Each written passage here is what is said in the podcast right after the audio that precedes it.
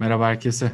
Cengiz ben Duvarın Ardına hoş geldiniz. Bugün karşımda Profesör Doktor Cemat Başoğlu var. İlgi alanları nöropsikiyatri, yetişkinlerdeki nörogelişimsel bozukluklar, genetik etiyoloji, majör psikozlar ve psikiyatrik tanı sınıflandırma sistemleri. Cem Hocam hoş geldiniz. Çok teşekkür ederim bu davetimi kırmadığınız için. Ben teşekkür ederim. Merhaba. Şu konuya geçmeyi istiyorum bir taraftan. Ee, çok büyük kafa karışıklıkları yaratan böyle mite dönüşmüş efsaneler var. En benim aklıma gelen iki tane mit. E, otizm ve aşıların ilişkisi. Bu Lancet'te evet. yayınlanan makale beraber büyük bir infial ortaya çıkması. Hem onu soracağım.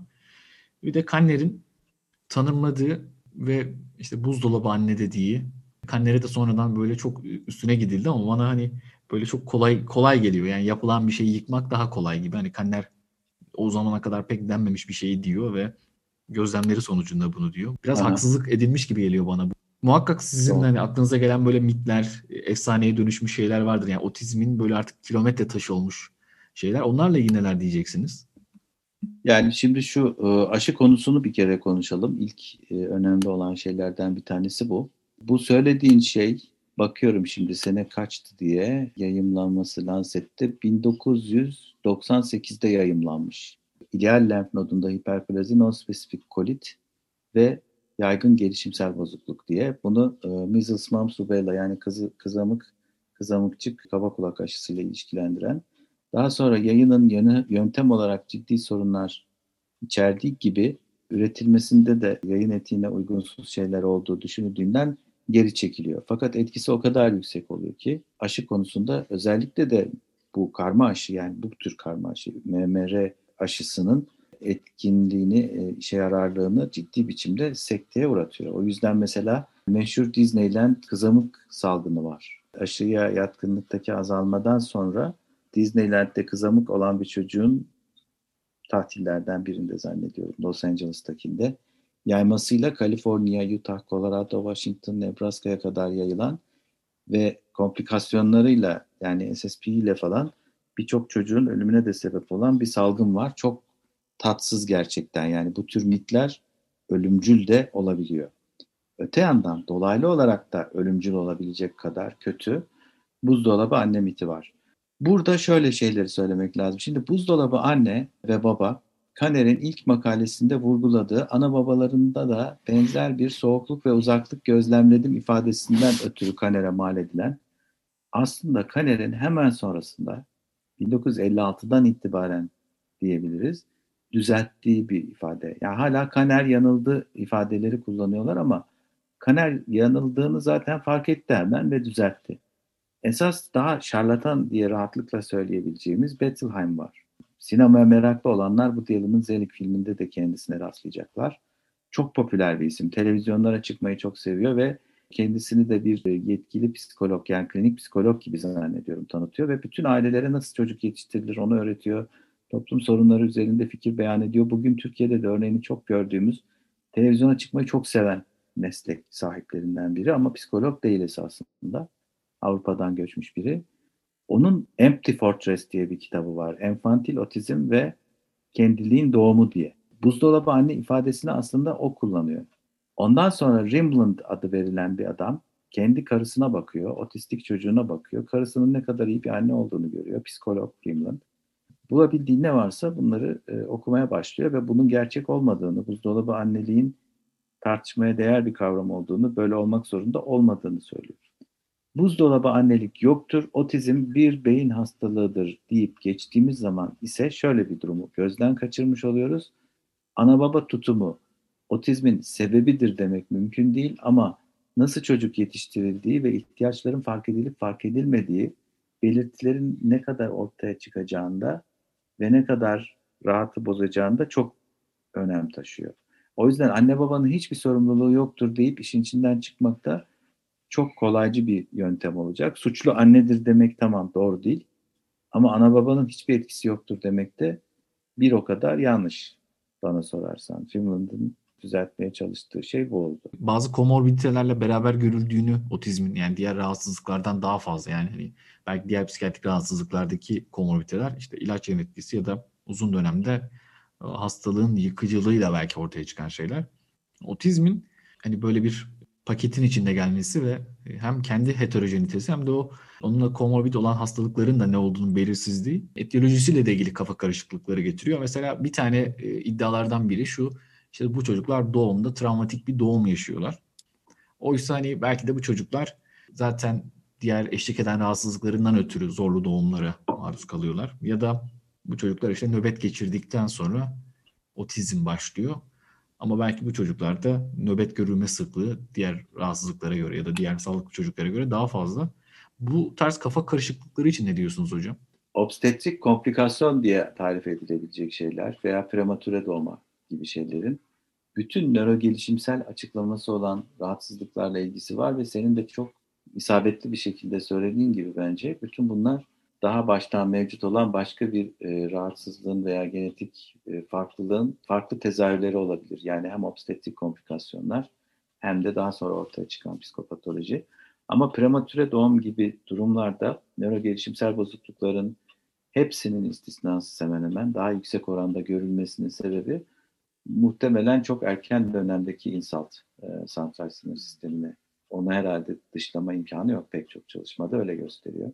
Evet. Otizm spektrum bozukluğunu da tek tanı olarak ele almaktansa her bir boyutunu tek tek değerlendirmek. Evet birlikte çok sık görülüyorlar ve iç tutarlılığı çok yüksek dedim. O yüzden bir tanı olarak güveniyorum yetişkinde de çocukta da. Ama lisan gelişimini, sosyal karşılıklılığın eksik oluşunu, yineleme eğilimini ve algılamadaki hassasiyeti farklı farklı boyutlar olarak düşündüğümüzde çok daha iyi anlıyoruz. Diğer nöro gelişimsel bozukluklarla olan birlikteliğini. Ne bunlar? Dikkat eksikliği, hiperaktivite. Onu da ayıralım boyutlarına. Dikkat eksikliğini, hiperaktiviteyi, yetişkinlikte sadece duvara tırmanma biçiminde değil, iç sıkıntısı biçiminde kendini gösteren hiperaktiviteyi de katalım. Dürtüsellik bileşenini katalım. Dikkat eksikliği, hiperaktivitenin. Üç boyut daha eklemiş olduk. Buna zeka geriliğini katalım. Zeka geriliği dediğim zaman da kastettiğim şey işlem belleğinin yetersiz olması ve bunun şiddetine göre yönetici işlevler, yönetsel işlevlerdeki güçlük, muhakemedeki güçlük kadar basit kusurlardan hiçbir işlevi olmamaya kadar değişebilecek olan çok daha ağır formlar. Bunu katalım. Tourette gibi kompleks tip bozukluklarını katalım. Bunların hepsinin birlikte aktarılma ihtimalleri yani genetik lokusların tek genli rahatsızlıklarsa onların tezahürü olarak birlikte aktarılma, bir araya gelme ihtimalleri daha yüksek. Bir tanesi bu. İkincisi de birbirlerine sebep olma, birbirlerinin tezahürlerini hem taklit etme hem de pekiştirme gibi özellikler. Yani tik bozukluğu olan birisi beraberinde sosyal ortamlarda ne yapacağını zor ayarlayabilen biri ise o tik bozukluğuyla mücadele etmesi de daha fazla zor oluyor. Bu yüzden komorbidite sorununa e, çok uzaklaşmadan geri döneyim otizm spektrum bozukluğunun tanısını koyduğumuz birinde en sık rastlayacağımız şey diğer nöro gelişimsel bozukluklar yani zeka gerilikleri daha yeni deyişle zihinsel gelişim bozukluğu gecikmesi, dikkat eksikliği hiperaktivite, hareket bozuklukları ve başlıca tikler kompleks ya da basit. Onun dışında yetişkinlikte en sık rastlanan bozukluk olarak literatürde hep anksiyete ve depresyon, anksiyete bozuklukları ve depresyon geliyor. Özellikle fobiler, özgül fobiler ve tuhaf karşılanabilecek fobiler, herkeste çok sık görülmeyen nesnelere ait fobiler, sık rastlanan şeyler. Fakat ben bunda araştırma yöntemlerinin ve örneklemlerin yarattığı bir yanlılık olduğunu düşünüyorum. Çünkü anksiyete, depresyon zaten çok yaygın özellikler olduğu için burada da sekonder olarak ortaya çıkıyor. Bize otizme içkin olarak bir şey söylemiyor. Halbuki otizmin zihin kuramındaki kusurlarla, yargılamadaki bozukluklarla, sosyal kognisyon kusurlarıyla açıklanabilecek çok daha ona bitişik ve komşusu olan, eskiden beri de kardeşi olan bir özelliği var, psikoz. Yani otizmi olan kişilerde kısa süreli psikozların ortaya çıktığını görüyoruz. Ve otizm belirtileriyle bu psikozlar bir araya geldiğinde şizofreni e, prototipine çok benziyor olduğu için yetişkinlikte o tanı daha çok konuyor. Komorbid olarak konuyor olmasının sakıncalarına hiç dalmayalım şimdi. Son olarak şunu söyleyeyim. Komorbidite ile ilgili olarak yetişkinlikte bize şimdilik en azından günümüz kültüründe otizm spektrum bozukluğuna ait şikayetlerle değil, onunla birlikte görülen ya da onun izleyen rahatsızlıkların şikayetleriyle, kriz durumlarıyla, depresyon, anksiyete, kısa psikozlarla veya e, otoimmün ensefalopati gibi e, tıbbi komplikasyonlarıyla beraber geliyorlar. Hocam bir de şeyi soracağım. E, otizmin hani etiyolojisine dair birçok spekülasyon var ama herhalde şu an elimizde yani istatistik olarak kanıtlanmış tek şey ileri baba yaşı mı? Yani bundan daha farklı bir şey var mı? Genetik olarak anne baba ya dair bir şey olarak. Herhangi bir ee, toksin, virüs yani birkaç gerçi şey de enfeksiyon hastalığı da şey yapılıyor ama bariz evet. olan bir şey var mı? Risk etmenleri var ya yani daha fazla bir tanesi şu ileri baba yaşı. Başka yani yapılan çalışmalar çok fazla yüksek örnek yüksek sayıda örneklemden yapılıyor olduğu için bütün vakalar birbirine benziyor mu benzemiyor mu orası birazcık tartışma götürür esasında. Ama iyi kayıtların tutulduğu yerlerde risk etmeni olarak şeyi iyi biliyoruz. Doğumdan önce valproik asit maruziyetiyle bir ilişki kurulmuş. Prenatal valproik asit maruziyeti. Erken doğumla bir ilişki var ama nedensel bir ilişki mi demin senin ifade ettiğin gibi yoksa ortak bir risk göstergesi mi bunlar bilmiyoruz. Yani istatistikte anlamlı çıkan 32 haftadan önceki doğumlar. Düşük doğum ağırlığı var. 1,5 kilodan düşük. Yani bunların hiç yanlış anlaşılmaması lazım. 1,5 kilonun üstündeyse hiç sorun yok. Altındaysa risk yüksek gibi herhalde hiçbir dinleyici anlamayacaktır. O yüzden ıı, söyleyip geçiyorum. Yüksek doğum ağırlığı da ilişkili bulunmuş. Sezaryen, IVF yani assisted denen gebelikler veya SSRI kullanımı ilişki gösterilmeyen şeyler. Yüksek baba, ileri baba yaşı. Neden?